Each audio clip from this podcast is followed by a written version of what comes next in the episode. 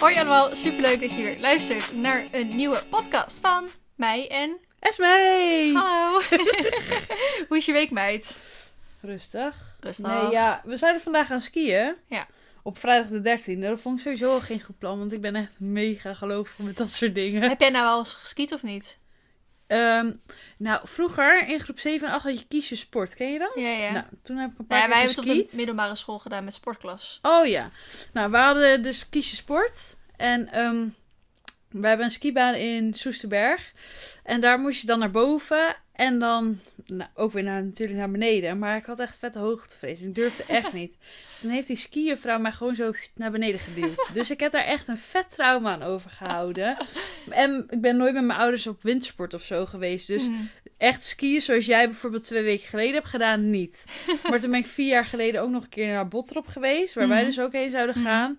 Met Jules, en die kon ook niet skiën. Die stond voor het eerst op de skis. En toen zijn we gewoon een paar keer heel huids naar beneden gekomen. Maar ja, het enige wat ik kan is een pizzapunt. Zo kom je ook beneden. ja, daarom. Dus nee, nee, ik kan niet skiën. Nee. Nou, Als je het zo vraagt. en hoe is jouw week? nou eh, eigenlijk eh, vrij relaxed eh, tot nu toe. Ik heb maandag niet zo boeiend gedaan.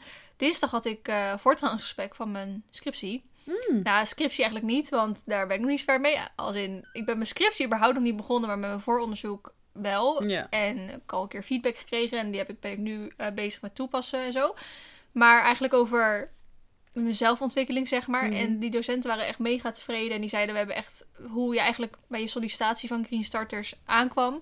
eh, een paar maanden geleden. Dat was echt een soort van een onzeker meisje, weet je wel. Je was ook nog echt wel een soort van emotioneel in je praten. Want je wist nog niet zo goed welke kant het op ging. En je zei dat je het super druk had. En dat je gewoon even soms even niet wist wat je moest doen en zo. En zeggen, er zit zo zo'n ander persoon nu voor ons. Je weet precies wat je wil. En je hebt weer structuur in je leven. En het gaat super goed. En je hebt zei je? keuzes gemaakt en zo. Ja, maar zo voel ik me eigenlijk ook. Want ik heb echt weer structuur in mijn leven gebracht. Maar ik denk ook echt wel dat komt omdat ik nu voor school ook mag afstuderen natuurlijk. Ja. Ik heb niet meer mijn school met tentamens, mijn verslagen Nee. waar ik me zorgen over hoef te maken. Nee, dat is ik denk dat dat echt een hele hoop scheelt gewoon. Ja. Dus daar was ik echt wel heel blij mee om dat eh, te horen. En Leuk dat een ander dat dan ook Ja, hè? vertelt, hè? Dan, eh, dan voel je je nog Ja. trotser. En Ja. zeker die docenten die daar natuurlijk mega veel verstand van hebben. Ja. Dus dat is natuurlijk top. Woensdag was ik bij Olympus. Waar natuurlijk Oh, ook mega goed ehm, nieuws hebben gekregen. Dat we hem weer mogen gaan zadelmak maken. Dus dat is natuurlijk top. En we zijn op woensdagavond op dubbeldate geweest met Madeleine en Max. Zo gezellig. Yes. En daarna werden al mijn afspraken gecanceld. Door corona. Ja, ja. ik zat dus gisteren eh, bij de kapper en toen was hij nog open. En nu zag ik dus ook net op Facebook staan dat ze alle testpersonen hebben Oh, gecanceld. ja. Dus ik was de laatste. De laatste. Heerlijk. Nou, ik zou dus gisteravond naar Indoor Brabant gaan. Nou, die is natuurlijk helemaal afgelast, wat Ja. ook super erg is. Vandaag zouden wij gaan skiën. Nou, dat zijn we niet Ja. gaan doen, want dat was ook een beetje vaag. Morgen zou ik naar de Apploeze Hengskeuring gaan. Die is ook sinds vandaag afgelast. En zondag zou ik ook naar Indoor Brabant gaan. Dat is ook afgelast. En ik zou volgende week eh Go Social Familie Weekend hebben afgelast. Afgelast daarna zou ik een weekendje Malaga gaan. Nou, dat, is, dat gaat ook voor 95% niet door. De week daarna zou ik een paar dagen naar Ro- Roemenië gaan. Nou, dat gaat waarschijnlijk ook niet door. Go Social Party gaat niet door. Nou, ik word er helemaal gestoord van. Ja, bizar hè? Ja, dat zo impact. eh, Ja, dat heb ik ook nog nooit meegemaakt zo. Nee. Nee. Nee, ja, het is, eh, het is een dingetje hoor. Zijn er bij jou nog dingen zeg maar niet doorgaan? Of ja, met je werk? is Eh, nou ja, ik werk, ik ben dierenartsassistent natuurlijk, voor degenen die dat nog niet weten. Maar bij ons doen we al twee weken geen hand meer schudden. En we hebben sterilie en pompjes op de balie staan en dat soort dingen. Mhm. En verder is het natuurlijk, ja, ik heb een zorgberoep. Dus we kunnen ook niet zeggen, nou hè, we gooien de toko dicht of zo. Dat kan Ja, niet. Want net als met mensen heb je natuurlijk ook dieren die gewoon echt wel, soms echt wel heftige zorg nodig hebben. Ja. Dus ik kan ook niet thuiswerken of zo. Ehm, we merken wel dat het veel rustiger is. Mhm. Mensen durven echt de straat niet meer op. Nee. Dus ook met telefoon en gewoon de afspraken zelf een stuk rustiger als normaal. Maar weet jij hoe dat dan zit met... Want honden kunnen volgens mij wel corona krijgen, toch? Niet, niet, eh, niet eh, gevaarlijk. Oké, want ik heb dus... Ik had woensdag aan mijn dierenarts gevraagd, die natuurlijk Olympus deed. Vroeg ik ook van... Ik had dus de vraag gekregen van... Kunnen paarden ook besmet worden door mensen? Maar dat kan dus Ja. niet. Ehm, het is een soort van ander virus wat Ja, ze dan Dat krijgen. zei ze ook inderdaad. Ze hebben, ik hoorde wel dat ze in China hebben ze een hond positief getest, maar die had geen klachten. Ja, ik ook gehoord. Ehm, Dus het virus wat wij krijgen en waar wij zeg maar een soort van aan kunnen overlijden, dat kunnen, voor wat ik op dit moment weet, Mhm. onze huisdieren niet krijgen. Nee. En, En voor de paarden is ook niet gevaarlijk. Nee. Maar ze raden wel aan als je besmet bent, om dan wel afstand te houden van je huisdier. Dus ik denk dat dat met paarden dan ook zo is. Ja, want- Ik denk niet dat ze, dat, dat ze daar dood kunnen gaan of Nee. zo. Maar Nou de dierenarts zei dat er wel corona bij paarden bestond, maar dat is een heel ander soort virus dan dat Ja. wij mensen hebben, Ja. zeg maar. Die komt niet overeen. nee, nee, het is eh, wel wat anders. Ja. Dus vooralsnog eh geen zorgen om over te maken. En, ik weet niet of je erover wil praten, maar je hebt natuurlijk supergoed nieuws van je moeder gekregen. Ja, bizar. Dat is echt Mijn bizar. moeder die, eh, ja, nou ja, dus eigenlijk, ik weet ook niet wat ik dan moet zeggen, maar ze, we hebben in de, december de diagnose gekregen alvleesklierkanker, of tenminste eigenlijk begin januari, want alle onderzoeken die dan gedaan moeten worden en zo duurt allemaal super lang. Dus ze heeft begin januari de diagnose alvleesklierkanker gekregen. Toen zijn we helemaal de molen in gegaan. Ze hebben echt, nou, echt mega veel ziekenhuisbezoekjes eh maar sowieso, alvleesklierkanker is ook de meest dodelijke Dodelijk, vorm van ja. kanker. Dus je denkt eigenlijk al van, nou, Je bent al bezig met dood, met de begrafenis, dat soort Ja. dingen. Toen eh, vertelde ze wel dat ze geopereerd kon worden. Dus 2,5 week geleden is zij geopereerd aan haar alvleesklier. Kijk, er zitten natuurlijk allemaal dingen nog voorafgaand hoor, wat er allemaal gebeurt. Maar om Mhm. even een lang verhaal kort te maken, dus ze is geopereerd. Normaal moet een, een persoon die die operatie krijgt twee weken in het ziekenhuis blijven. Maar zij mocht na vier dagen al naar huis. Dus ze waren echt super trots op haar natuurlijk. En ehm, eh, nou, ze herstelt helemaal goed. En dus ik moest gisteren naar het ziekenhuis voor de uitslagen van die eh, operatie. Want ze gingen natuurlijk kijken wat voor kanker het dan was en zo. mhm. En dat, dat, dat is wel afhankelijk waar de, wat voor chemo je dan krijgt. We hadden ons al wel ingelezen. Normaal gesproken bij alvleesklierkanker komen ze er te laat achter. Waardoor je al zoveel verschillende soorten andere kanker in je lijf hebt dat je gewoon afgeschreven bent. Mhm. Dus het is al een wonder dat ze geopereerd kon worden. Nou, die operatie is goed gegaan. Er waren geen uitzaaiingen. Dus dat is ook natuurlijk heel erg positief. Ehm, ze hebben tijdens die operatie, kregen we vandaag te horen, 31 centimeter darm weggehaald. 18 Bizar. lymfklieren. eh 6 bij 3 centimeter alvleesklier. En... Volgens mij En die gal, ik wat. bla- blaast gal weg. Gal, ja, nou die galblaas had ze al niet meer. Maar, en Maar- dus eh, iets met de gal weg. Mhm. Ehm, dus daar zou ze gisteren afspraak voor hebben om daar uitslagen van te krijgen. Toen, door alle coronadrukte, zijn ze, waren ze vergeten om dat dus te testen. Dus ze gingen eigenlijk voor Jan met korte achternaam naar het ziekenhuis. Wat natuurlijk bij zo'n geval best wel gevaarlijk is. Want ze is nu echt natuurlijk, haar immuunsysteem staat op zijn kop. Mhm. Ehm, dus daar waren we best wel een beetje nou, pissig over. Ehm, toen werden we vandaag werd ze gebeld door de arts dat het geen alvleesklierkanker was, maar dat het galwegkanker is geweest Mhm. met uitzaaiing naar de alvleesklier. En ehm, ze hadden dus ook 18 lymfklieren weggehaald. Een lymfklier zit door je hele lijf, dus je hebt er niet maar 18, maar 18 in haar buik, zeg maar. Daarvan waren er al 7 hadden ook al besmetting van kanker. Ehm, nou denk je, jeetje, dan is het dus toch uitgezaaid. Wat slecht nieuws, ja. Het is, het is jammer dat het dus al zo ver was. Mhm. Maar alvleesklierkanker is dodelijk. Echt gewoon killing. Ja. De arts vertelde ook 8%, of tenminste, eh, maar bijvoorbeeld 5, of, eh 5% van de mensen met alvleesklierkanker krijgen de operatie aangeboden. Dus dat was bij mijn moeder het geval. Mhm. 5% maar. Ja, zo weinig. Weinig. Ja. En na die operatie leeft na 5 jaar nog maar 8%. Dus Dus ongeacht of dat jij die operatie minder dan hebt 1% gehad, mensen. Nou ja, 8% na de OK leeft dus nog. Ja, ja. Maar, na 5 jaar. maar dus Zo stel, dodelijk stel is het. 100 mensen krijgen het, maar 5 mensen mogen die operatie in. Ja. En maar 8% daarvan, dus dat is eigenlijk niet eens één persoon, Ja. Ja, die overleeft het. ja. Zo, Bizar. zo, ja, zo Heftig is die. Zo heftig is dat. Nu met die galweg, eh, ik heb het nieuws ook echt pas net een uur geleden te horen gekregen. Dus ik heb me er ook nog niet op ingelezen. Ik ben natuurlijk best wel medisch eh, ingesteld. Dus Hmm. ehm, ik wil even gaan kijken wat daar dan de ja, mogelijkheden van zijn, om maar zo te zeggen. Maar Ja. de arts zei dat het echt een stuk positiever is. En dat, eh, dat de leef... ja, hoe zeg je dat? Ja, overlevingskans, Oh, zeg maar, ehm, dat dat veel hoger is. Echt heel Dus dat is heel positief. Dus mama belde mij helemaal emotioneel op. Ja, Nou. waar ben je? Ik zeg, ja, op stal.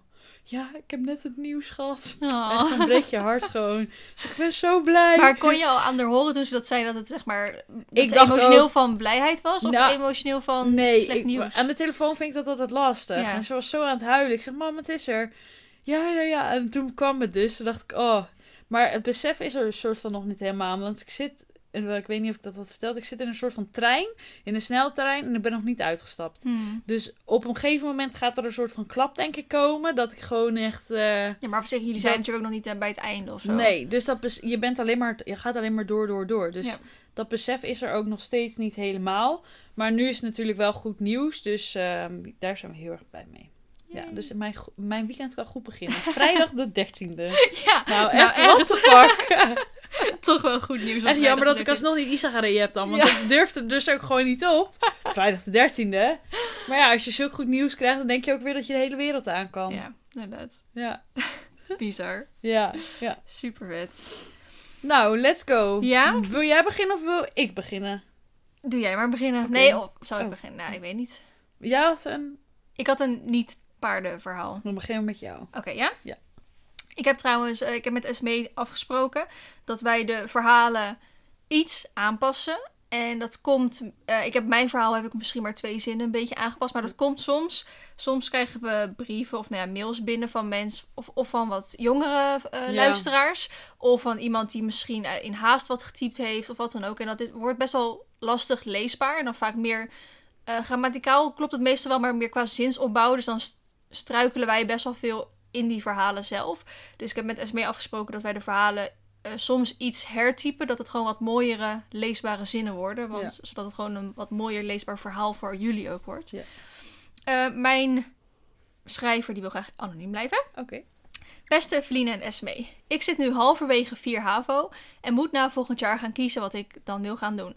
Mijn ouders vonden het slim als ik alvast ging kijken wat ik wil, omdat ik volgend jaar al snel moet gaan kiezen.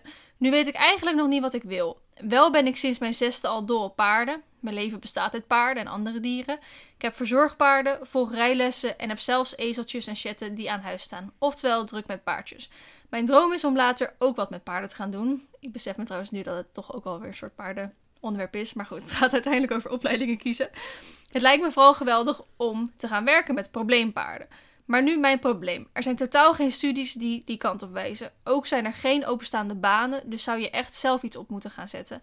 Dit lijkt me allemaal best lastig. Dus mijn vraag, wat zouden jullie doen? Wat zijn jullie ervaringen met keuzes maken? En wat is slim om te doen? Is het slim om voor een studie te kiezen waar ik sowieso een baan mee krijg en wat ik wel leuk vind? Of moet ik ervoor gaan? Klinkt op deze manier heel simpel, maar het is heel lastig. PS Vliene, je maakt echt geweldige podcast en ik vind die met Esmee erbij echt geweldig. Net alsof we als vriendinnen met elkaar om de tafel zitten te discussiëren. Ja, dat zegt iedereen. Dat vind ik zo leuk om te Ja, horen. Echt super Dat mensen ook echt gewoon soms terugpraten. Dat ze dan denken, oh, ik zit er ook echt bij, weet je wel. Nou, dat vind ik echt fantastisch om te horen. Ja, precies. Dus ehm, ja, wat is je eerste reactie? Oh, ga geen paardenhouderij studeren. dat heb ik gedaan. Echt een no-go. Ik hoor echt, ik heb nog nooit iemand die paardenhouderij heeft gestudeerd. En die daar blij mee Die is. daar blij mee is. Nee. Ik heb nog nooit iemand gehoord Nee. over. Ik ga even verliggen hoor, sorry. Want we zitten op bed bij ah, Vee en een beetje spierpijn. Dus ik moet even kijken hoe ik ga We zijn uit de woonkamer gestuurd omdat Sjoerd dan gaat koken en zo. En gamen. dus ehm, nou liggen we op bed. Zo, dit zit beter. Eh, mijn eerste reactie is... Kijk, ik ben ook een slecht iemand in keuzes maken. Ik heb bijvoorbeeld gisteren soort van bedacht dat ik mijn haar roze en paars liet verven. Nou, dan zit ik gisteravond bij de kapper en dan zeg ik... Nou, doe dat maar even. Ja, weet je, vijf uur later en ik ben gewoon roze met paars. En dan denk ik achteraf, ja, moet je dan zulke keuzes niet eventjes goed overdenken. Ehm, dus wat betreft, als je aan mij vraagt, hoe, hoe sta je met keuzes? Ja, ik ben echt eh, niet zo goed met keuzes. Maar wat betreft studie, ik vind zeker dat je iets moet gaan doen wat je, wat je echt heel erg leuk vindt. Ja. Ja. Dus niet dat je denkt van, ja, oké, dit vind ik ook wel leuk, dus dat ga ik maar doen. Of omdat je ouders het willen. Want ik heb gewoon het perfecte voorbeeld. Omdat ik dus natuurlijk na de HAVO ging maritiem officier doen. En dat was ook puur omdat ik absoluut niet wist welke kant ik op wilde gaan. Maar ik vond maritiem officier vond ik op zich wel leuk. En mijn vader heeft ook in de scheepvaart gezeten. Dus mijn vader vond het natuurlijk ook super tof. Ja, na een jaar kwam ik er wel redelijk achter dat het niet helemaal mijn ding was. Dat het ook heel moeilijk te combineren was met mijn liefde voor de paarden en voor video's maken en Ja. creatief bezig zijn. Ja, mijn ouders, vooral mijn vader natuurlijk en Sjoerd ook, omdat Sjoerd wel doorging. Die zeiden allemaal, nee joh, gewoon doorgaan en het, eh, Mm. weet je, dat kan je best en je bent nu al begonnen, gewoon afmaken, et cetera. En ik werd er gewoon niet gelukkiger van. En toen ben ik toch hippische bedrijfskunde gaan doen. Ook al wist ik eigenlijk natuurlijk nog steeds niet wat ik wilde gaan doen. Dus ben ik soort van gaan zoeken wat dan het beste erop aansluit met welke richting ik op, wil gaan. Mhm. Want voor video's maken, ja tuurlijk, daar bestaan ook opleidingen voor. Maar Mm. als je vlogger bent, dan hoef je niet per se echt een opleiding voor video maken natuurlijk gehad te hebben. Ehm, dus er is niet echt een, er is natuurlijk niet een opleiding voor eh, influencer of iets in die kant. Dus toen ging ik gewoon een opleiding zoeken die het soort van het beste erop aansloot. Welke kant ik op wilde gaan, zodat ik wel een papiertje had. Want Ja, dat vond ik wel dat belangrijk. Vind ik ook belangrijk Dat hoor. ik wel ja. een papiertje had inderdaad. En daarmee kon ik ook, eh, met dat idee kon ik ook naar mijn ouders toe gaan. Van joh, Maritiem officier gaat het gewoon niet worden. Ik ga ermee stoppen. Ik ben er niet blij mee. Maar ik heb een plan. Ik ga hippische bedrijfskunde doen. Dan ga ik uh, ik vind een doen. plan vooral Ja. altijd belangrijk. Nee, Ja. ik hou daarvan. niet van, ja, oké, ik neem even een tussenjaartje, kijken wat ik ga doen. Ja, Ja. zo was ik ook. Maar dat schiet gewoon niet op. Want het pakt eigenlijk al 9 van de 10 keer gewoon slecht uit. Nou, ik vind vooral ook, zeker als je jong bent en van de HAVO bijvoorbeeld afkomt. Het is heel lastig voor je ouders ook. Kijk, het is ten eerste, het is jouw keuze. Dus Mhm. voor jou is het allerlastigst. Maar het is ook heel lastig voor je ouders. Want uiteindelijk moeten die ook achter je keuze eigenlijk staan. Want die financieren het misschien eventueel ook. Mhm. En je woont nog bij hun onderhuis. En ze helpen je eventueel en zo. Dus het is ook vooral heel erg belangrijk dat je je ouders kan overtuigen. Ja. Met dat, er, dat je weet wat je aan het doen bent. Dat er dus een plan is. Ja. Ja, dat heeft ook gewoon met volwassen worden te maken, vind ik. Ja. Dus, Dus- ehm, Dat is het eerste wat je zou kunnen doen. Nou Ja. ja, ni- niet een plan maken, want je weet je plan nog niet. Gaan onderzoeken met wat je plan is en welke richting je op wil. En nu is Ja. inderdaad, er is geen opleiding, hè, geen eh, nee. opleiding zoals wij hem kennen om eh, dus paardentrainer of iets in die richting te worden. Maar er zijn genoeg van die cursussen of jaaropleidingen ja, ik denk of zo. wat mijn adviezen zijn is je HAVO afmaken. En dan een opleiding voor bijvoorbeeld twee of drie jaar gaan doen. Wat je dus wel een soort van ehm, echt wel ziet zitten. En waar je, mocht het nou met de paarden niet lukken, waar je dan op terug kan vallen. Ja. En dan naast die, die opleiding in het weekend cursussen gaan volgen voor dat soort dingen bijvoorbeeld. Ik raad je echt ten strengste af om, eh om paardhouderij te gaan studeren. Maar dat slaat gewoon maar dat is ook zonde nergens op. van de HAVO. Om dat Ja, maar dat, slaat, dat is echt zonde van je tijd, sowieso. En van je HAVO-diploma. Dus dat zou ik gewoon niet doen, want je leert daar gewoon niet wat jij, waar jij je capaciteiten misschien wel voor Nee. hebt. En ervaring is gewoon het allerbelangrijkste. Ja. Ik had ook mensen in de klas zitten die reden al zet. Ja, dan ben je er gewoon sneller dan dat je op de manege rijdt. Ja. En als je dus gewoon al zorgt dat jij zoveel ervaring gaat opdoen en ook zeg maar die referenties kan houden, dan ben je al een stap, loop je eigenlijk al een stap voor. Ja. En als het dan niet lukt, eh, of niet mogelijk is, om wat voor reden dan ook, ongeacht dat je er eh, heel hard voor werkt, Ja. dan kun je altijd nog terugvallen op die opleiding van twee of drie jaar. Ja. En dan kan je die opleiding kan je natuurlijk richten op iets heel anders, wat eventueel niet met paarden te maken heeft. Maar je kan natuurlijk ook kijken naar opleidingen die ook een beetje die richting hebben. Zoals Ja. ik ben hippische bedrijfskunde gaan doen, omdat ik dacht, oké, ik zit een beetje in de video en de paardenwereldje, maar ik ga ook straks een eigen onderneming opzetten. Dus Mhm. vind ik bedrijfskunde wel handig om het daarmee te combineren. Dus dat zou bijvoorbeeld iets zijn. Maar je hebt bijvoorbeeld ook in Wageningen heb je docentschap eh hippische sector of paardensector zitten. Dus mocht je, het- eh, je moet een beetje gaan ondervinden. Oké, ik vind die paarden leuk, maar welke kant ervan vind ik leuk? Ja. Dus vind ik meer. Vind ik het leuk om alleen maar stallen te mesten? Ja, gaan we vooral paardenhouderij doen. Nee, maar ik bedoel meer van, oké, eh, wat ze zelf zegt van ja, als je, als je paardengedragstrainer wil worden, moet je dat vaak zelf opzetten. Ja. Nou, dan is het misschien handig om meer de bedrijfskundige kant op te hebben, want dan weet je dus hoe je een onderneming opzet en hoe hè, ook administratie, boekhouding, rechten, et cetera, dat zit. Maar vind je het leuker om, ehm, om kennismanager, zeg maar, te worden, om dus jouw kennis over te dragen op andere mensen? Ja. Dan is bijvoorbeeld weer docentschap paardensector handig, want dan krijg je en de paardenvakken mee. En je leert dus presenteren, want je krijgt ook je docentbevoegdheid Ja, om voor ja. de klas te kunnen staan. Je haalt ook je oren op eh, die Oh, opleiding, weet je wel. Dus je kan ook kijken naar opleidingen die een soort van iets hebben. Of je kan bijvoorbeeld ook eh eerste opleiding fysio fysiotherapie gaan doen. Zodat je voor mensen, zodat je daarna de opleiding fysiotherapie of osteopaat voor paarden kan gaan doen. Want fysiotherapie voor mensen is de basisopleiding. Of nou ja, die moet je gedaan hebben voordat je de osteopathie opleiding voor paarden kan gaan Ja. doen. En dan, kan, dan, weet je wel, dan snap je al veel meer van het paardenlichaam. En Ja. dan heb je misschien ook wel weer een streepje voor als je eventueel daarna weer verder gaat met cursussen. Ehm, om het Ja, paardenlichaam ook mentaal zeg maar beter te begrijpen. Kan ik mij het goed advies geven, hè, Eveline? Ik heb wel weer even mijn research gedaan hiervoor. Ja, nee, maar dat is heel... eh, dit zijn... Ik denk dat dit meisje... Dat was een meisje? Ja.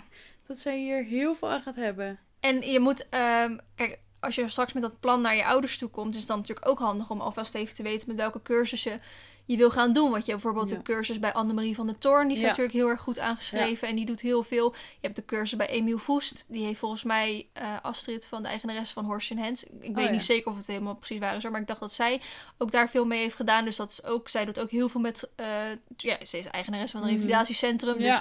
Heel veel met zowel lichamelijke, maar ook mentale problemen weet ze heel veel van.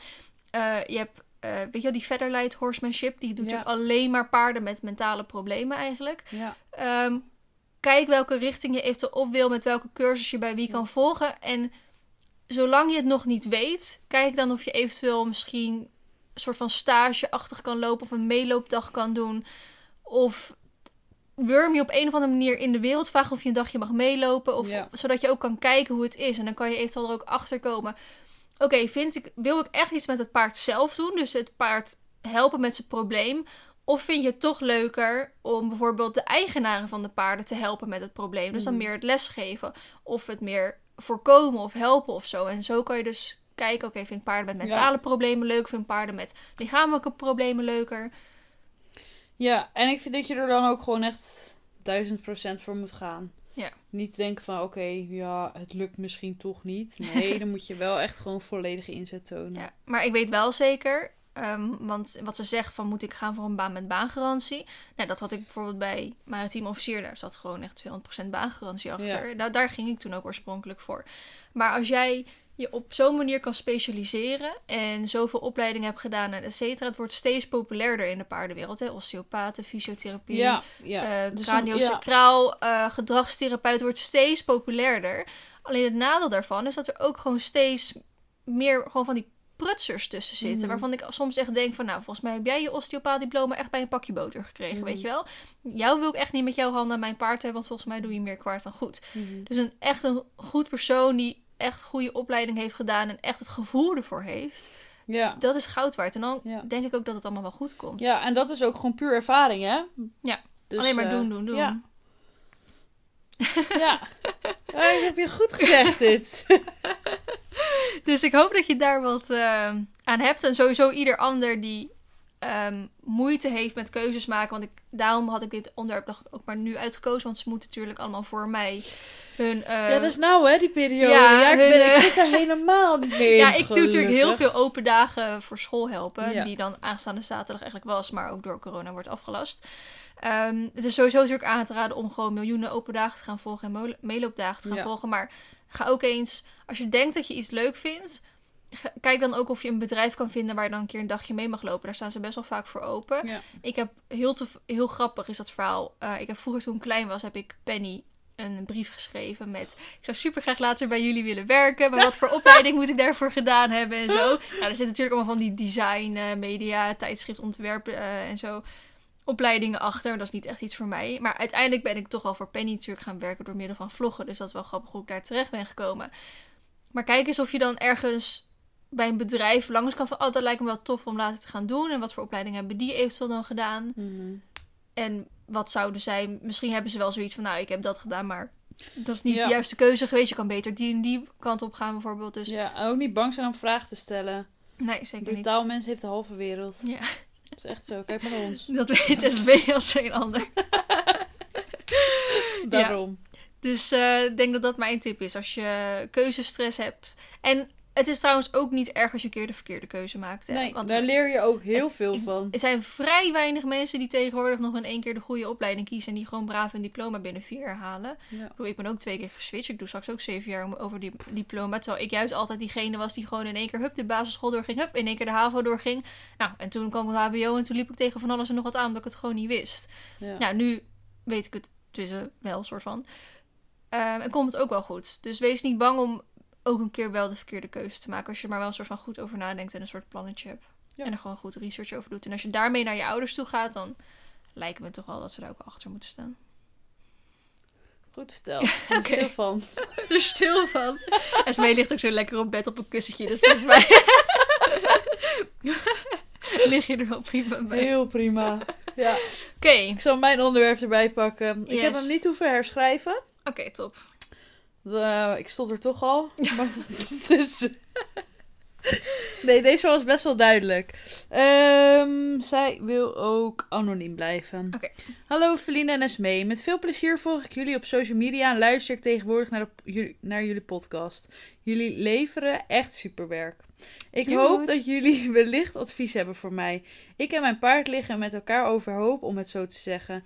Elke keer als ik naar hem toe ga, is het een strijd. Zowel bij longeren als rijden en soms al met, eh, met aan de hand lopen.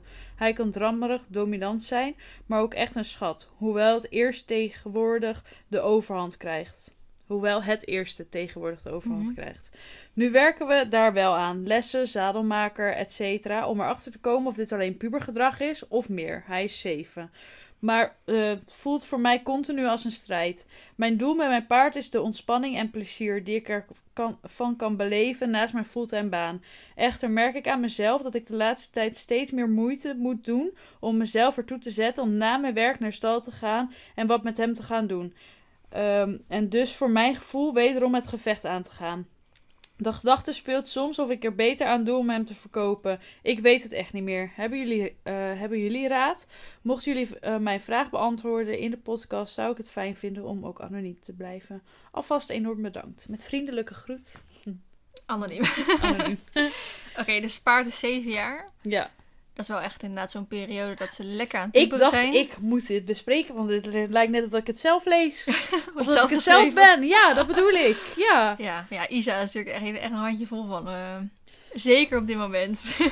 Ja, dus ik dacht zo, dit moet ik even goed bespreken inderdaad. Ik, ik kan me helemaal vinden in je verhaal. En ik snap hoe lastig die keuze is van wat ga ik wel en niet doen.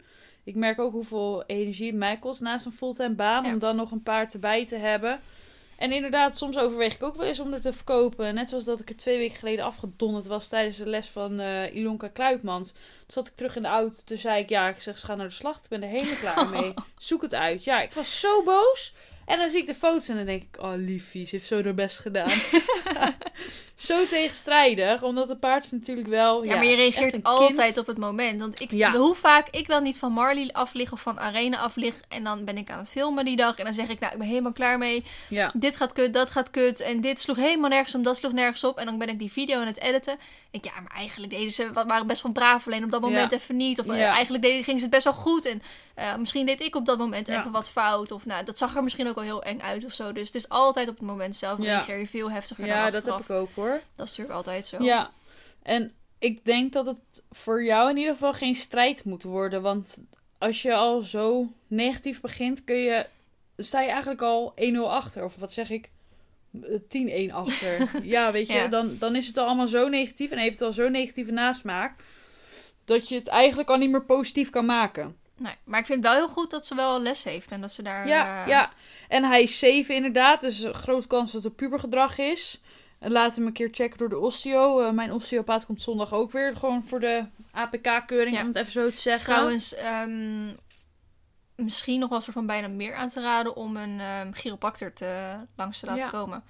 Want ik heb eigenlijk jarenlang altijd osteopaten langs laten komen. En ik heb toen een keer... eh, en dat, nou, op zich, dat, was, dat werkte. En dan maar een paar, na een paar maanden was het soort van weer gewoon terug. Hmm.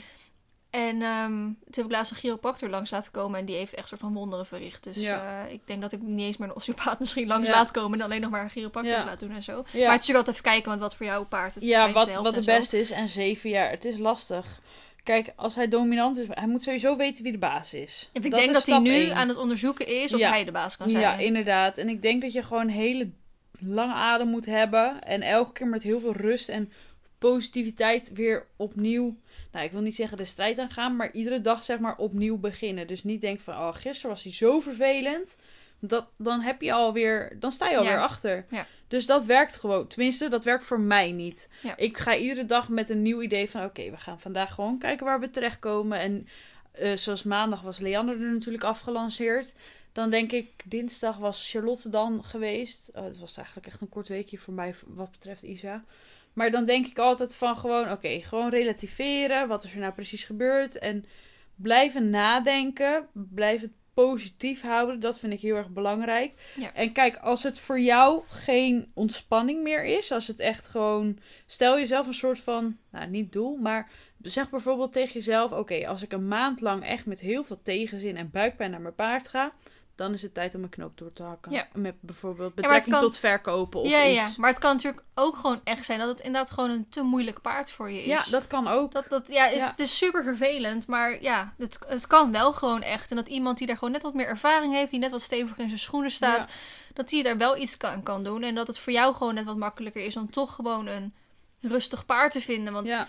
ik heb soort van, elke keer als het met Arena super goed gaat, dacht ik echt, nou, ik ga er overkopen en ik neem er mee naar eh, paard aan huis straks, weet je wel. En nu denk ik weer van, ja, alsjeblieft niet. ik hoef echt niet zo'n paard te hebben. En het is een schat als je ernaast zit. Dat is dan weer bij haar. Als je ernaast loopt, is het echt een fantastisch paard. En als je erop zit, is het Ja. een heel ander paard. Ja. En ik heb echt zoiets wel geleerd van... Arena heeft zoveel power en dat kan zo'n verschrikkelijk goed paard zijn, weet je wel, Ja. als je daar de juiste ruiter op zet.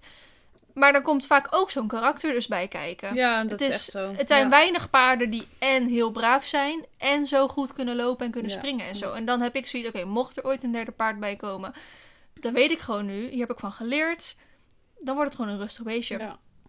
Dus Ja, ik, heb, ik zit ook zo in elkaar hoor. Kijk, kan, eigenlijk Isa kan ik gewoon niet verkopen. Gewoon mentaal gezien niet. Mhm. Oké, als misschien een gek eh, veel geld biedt, dan misschien wel. Maar ik zou, soms hoop ik ook gewoon dat ze op een dag gewoon in één keer een, een mind switch krijgen van oké, we gaan rustig door de bak heen rijden. We gaan rustig naar het bos. ja. Want op het strand en zo, je, dat weet jij Ja. ook. Ik heb echt een fantastisch paard wat dat betreft. Dan is ze braver als Marley. Maar soms, joh, dan zie ik zo door die baan heen gaan. Of met een ander erop, of met mezelf. En dan denk ik, jeetje, waar ben ik aan begonnen? en dan wil ik op wedstrijd, dan denk ik, nou, ik stel nog maar even een maandje uit. Want ja, als dit op wedstrijd gebeurt, hè. Dan, dan word je al helemaal dat je denkt, oh, ik krijg er helemaal stress van. ja. En inderdaad zit zoveel power in, maar ook zo'n karakter. En Mhm. daar moet je mee om kunnen gaan. Ja. En dat kan goed gaan, maar dat heeft altijd tijd nodig. Dat is Ja. niet na een week gedaan. Nee. Ook niet na een maand. Dat heeft echt maanden tot de jaren de tijd nodig. Of het lukt niet, dan is het gewoon geen. Dan is het niet meant to be. Nee, maar en het is inderdaad al als je er soort van al geen zin in hebt om er naartoe te gaan. Want eh, ik heb natuurlijk een, een vriendin, Madeleine, die ehm Haflinger Steve heeft. En zij heeft ook zoveel moeite met Steve. Als in inderdaad, die is, ze is helemaal verliefd op hem. En ze gaat elke dag met heel veel plezier er naartoe. Dus dat is al 1-0 voor. Eh, dus dat is bij haar dan weer, dat heeft ze dan nu niet op. Dus dat is, maakt het een stuk lastiger. Ja. Maar Steve was ook zo'n moeilijk paard. Dat ze gewoon niet eens normaal met hem over het terrein heen kon. Want hij trok zich gewoon weer los en hij ging Ja. gewoon rennen. En dan, Ja. dan is het echt zo'n tank eh, bulldozer Haflinger. Die gewoon zijn eigen kant op gaat. En ik denk dat ze nu bijna drie jaar verder is. Ja. En ze gaat nu bijvoorbeeld van de week voor het eerst in de buitenbak rijden. Ja. Die heeft zeg maar geen omheining. Dus als hij er dan vandoor gaat, dan ja. is hij weg. En in de binnenbak is het natuurlijk gewoon omheining. Dus het kan zomaar zijn dat het gewoon echt een lange weg kost. En, Ja. en, en, En, ook... het is ook dezelfde vraag. hè. Wat voor doelen heb je zelf? Ja. Dat is echt gewoon iets wat je af moet vragen. Wat wil, wat wil ik zelf bereiken? Nou ja, eigenlijk ook de belangrijkste is denk ik nog gewoon de juiste hulp erbij hebben. Ja, hulp En- is en- wel belangrijk. En als jij het eventueel soort van even niet meer kan, soort van kijk dan of die hulp het voorlopig eventjes kan overnemen. En, en zorg Ja. inderdaad ook dat je niet, als je denkt, oh, vorig, eh, gisteren ging dit heel goed, dus ik ga nu weer gewoon verder. Ik denk dat je juist heel erg structuur in het paard moet gaan brengen. Van oké, elk stapje ga je elke dag weer opnieuw herhalen. En elk, Ja. elke dag of elke week kan je dan weer een stapje verder gaan. Maar het is wel de bedoeling, denk ik, dat je wat structuur aanbrengt. En dat Ja. je elke dag weer laat zien van, ik ben de baas. En ook mega consequent moet zijn. Ja, als je niet consequent bent, gaat het mis. Ja. Gaat, gaat gewoon mis. Ja. Dus eh, dat is wel echt... Ja, het is echt zo belangrijk. Maar ik snap echt precies hoe lastig het is. En vooral omdat ze dan zo dominant zijn en dat je dan denkt van... eh, Siri gaat weer eens aan. Siri. Dat, dat ze dan zo dominant zijn en dat je dan denkt van ja, wat moet ik hier nou mee? Ja, dat is ook lastig. Mhm. En je moet het altijd even laten relativeren. Want als je op het moment zelf gaat denken, dan gaat ze ook, wat ze zeiden, ehm, je reactie is altijd heftiger dan dat het eigenlijk blijkt. Mhm. Dus denk er gewoon over, wat wil je? Wat zijn je doelen? Wa- wa- Wat wil je bereiken? In hoeveel tijd? Kijk, bij mij geeft het bijvoorbeeld heel veel rust dat ik een bijrijder heb. Mhm. Tenminste, ik heb er nu even twee, want Charlotte doet deze maand samen met Leanne nog. Mhm. En Lianne is sinds vorige week eh, Die is pas twee keer geweest, maar het voelt al helemaal eigen, weet je wel. Dus dat is super fijn. Ja. Ehm, maar Leanne gaat zeg maar Charlotte overnemen. En dat geeft mij heel veel rust. Mhm. Dat ik in ieder geval die twee dagen, en meestal doe ik er een, een extra dag bij, dat ik dan niet, zelf niet hoef te gaan. Ja. Want ik kan me inderdaad voorstellen, ik werk zelf ook fulltime. Na mijn werk heb ik daar echt geen puff meer voor. Nee. Dus dan ga je misschien al in die zin met tegenzin. Ja, ik merk inderdaad ook nu dat. ehm intussen, de paarden zijn voor mij sowieso. Ook al heb ik eigenlijk gewoon. Hoe oud ben ik nu? 24, 23 jaar van mijn leven een soort van ontkend. Pas nu, zeker met Arena en met Olympus ook best wel, want die heeft ook pittig karakter.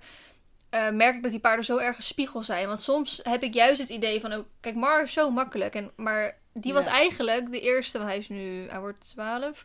De eerste elf jaar van zijn leven is Mar heel makkelijk geweest. Maar hij begint nu, ik weet niet wat het is. Hij begint met zijn tweede jeugd of zo. Maar het, hij wordt echt in één keer best wel pittig en zo. En normaal gesproken, als ik me niet zo lekker voelde, dan ging ik juist rijden. Want dan werd ik daar weer vrolijk van. Dan ging het allemaal weer goed. Maar nu is het eigenlijk vaak zo dat de paarden dan aan mij laten zien van...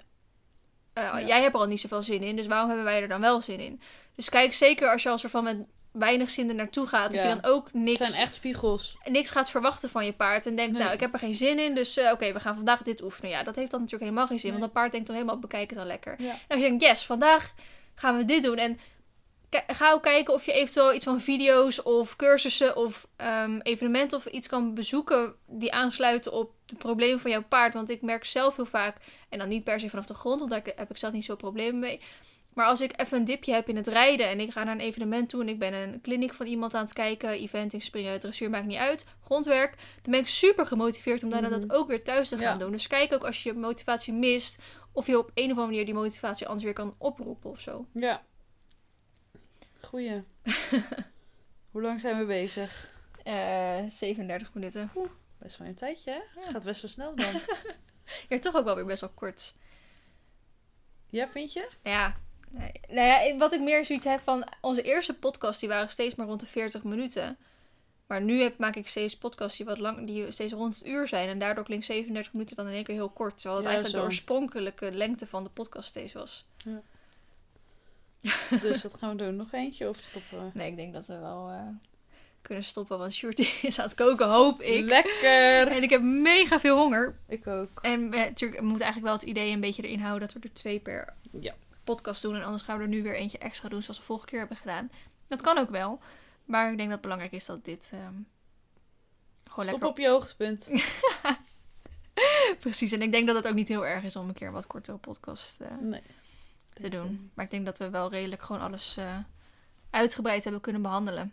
Ja, dat denk ik ook. En we hadden trouwens vorige keer, eh, of we hebben dat vorige keer al besproken, dat we antwoord hadden gekregen van ehm meisje die toen met haar ex eh, nog een beetje in die nasleep zat. Jawel.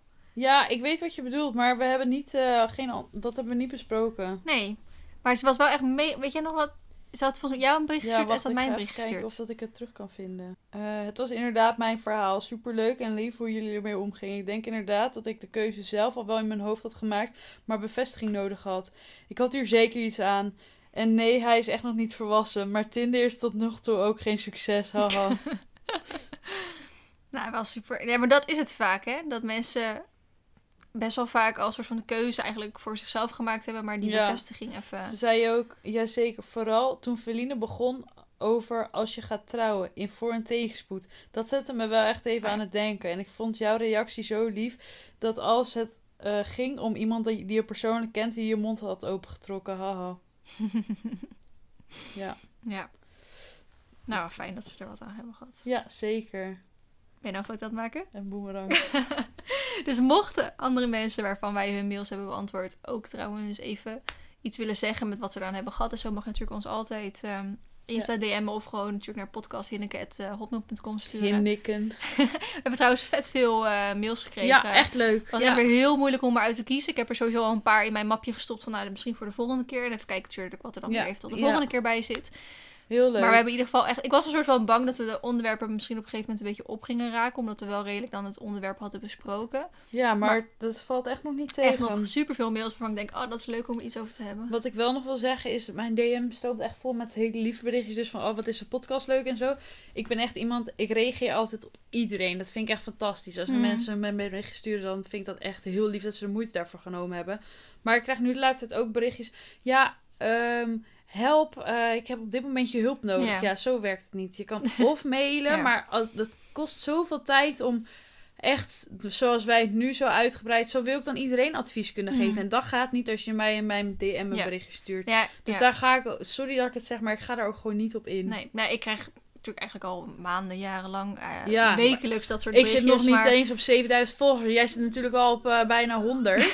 dus er zit wel inderdaad een Ja. eh Maar ik moet zeggen dat ik afgelopen weken ook steeds meer berichtjes krijg van, van meiden die dan zeggen van... Oh, ik heb de podcast geluisterd met jou en SME is super tof. Ik heb ook situatie dit en dit. Dan zeg ik, ja, maar dan moet je echt even naar de Ja, podcast je moet Hinneke echt mailen, want sturen. anders is het echt te onoverzichtelijk. Het Ja. gaat echt niet dan. Nee. En sowieso inderdaad, ik wil graag op deze manier ja, advies geven. En ik hoop gewoon ook heel veel... Kijk, sommige mails komen ook wel redelijk overeen. Weet je wel, mensen die Ja. ook moeite hebben met studiekeuze... of mensen die ook met een paard het ergens tegenaan lopen. Ja. Dan, Ja. Je omvat natuurlijk... Je beantwoordt niet alleen de mail die we voorlezen. Je beantwoordt als het goed is ook nog een hele hoop andere mails... die redelijk erop wel. aansluiten. Ja, Dus daarmee ehm, proberen we dat zo een beetje te doen. En in de komende tijd gaan we natuurlijk steeds meer beantwoorden. Dus mocht je natuurlijk iets hebben... Wie weet wordt het gewoon ooit een keer beantwoord. ja, wie weet. We hebben op zich prima veel mailtjes. Dus we kunnen nog, eh, nou ik denk wel voor zeker een jaar doorgaan. Ja, precies. En moet ook zeggen, als je een leuke titel verzint en ook echt een mooie mail zet, Ja, mooie verhalen, dat Ja. het zo fijn leest, weet je wel, heb je altijd streepjes voor. zeker. dus, mocht je nog wat eh, advies nodig hebben... Ja, en zoveel mogelijk details erin. Oh, en we hebben ook de laatste keer een foto eh, erbij gekregen, was ook super leuk. Want dan wist ook een beetje wat diegene begreep en zo, of wat bedoelde. Dus Ja, die had jij aan gekregen, ja. Die Ja. had ik niet eh, gekregen. raken. Dan moet je even kijken. Ja, ik, ehm, ik zal het nog even checken. Oké, nou, heel erg bedankt weer voor het luisteren naar deze podcast. Ik hoop dat jullie er wat he- aan hebben gehad. Als je dus een onderwerp hebt, maakt echt geen hol uit waar het over gaat. Maakt ook niet uit hoe oud je bent. We krijgen ook gewoon mails binnen van meiden die al in de twintig zijn. Ja. Ook van meiden die heel veel jonger zijn. Ja. Maakt allemaal niet uit. Ik heb nog niet echt een mail van een jongen volgens mij voorbij zien komen. Jawel, jawel, jawel. Ja? Hebben we ook. Ja, maar jongens, jullie mogen ook mailen. Ja, En als je ons dan ook wil laten weten wat jullie ervan vonden. Want wij vinden feedback ook fijn. Dat kun je eventueel wel gewoon in de DM stoppen. Dus Feline is apenstaartje Feline Hoi. En mijn is Live SS mee. Ja. Dus we zijn altijd wel benieuwd naar hoe jullie dit soort dingen ervaren. Want wij kunnen daar natuurlijk ook van leren. Ja. Dus mocht je... ik krijg ook wel eens trouwens eh, aanmeldingen, aanmeldingen van mensen die bijvoorbeeld een opleiding doen richting advies, coach, psychologisch iets in die richting. Van, oh, mocht je een keer een mailtje hebben die wat meer daarover gaan, dan kan Ja, ik je er wel mee helpen, weet je wel. Ja. Dus ik moet maar even kijken of Iemand zei eh, ook een keer, ja, je hebt echt een fijne podcaststem. Nou, als ik mezelf terughoor, denk ik, oh, vreselijk. Nou, ik vind het vooral heel grappig als jij op een gegeven moment begint voor te lezen. Dan komt echt dat Gooise accent in één keer naar boven. Ik gooi ze, hè? Kom helemaal niet uit Laren. nou jongens, dat was het dan. Wij gaan lekker eten. Tot de volgende keer. Doei doei! Doei!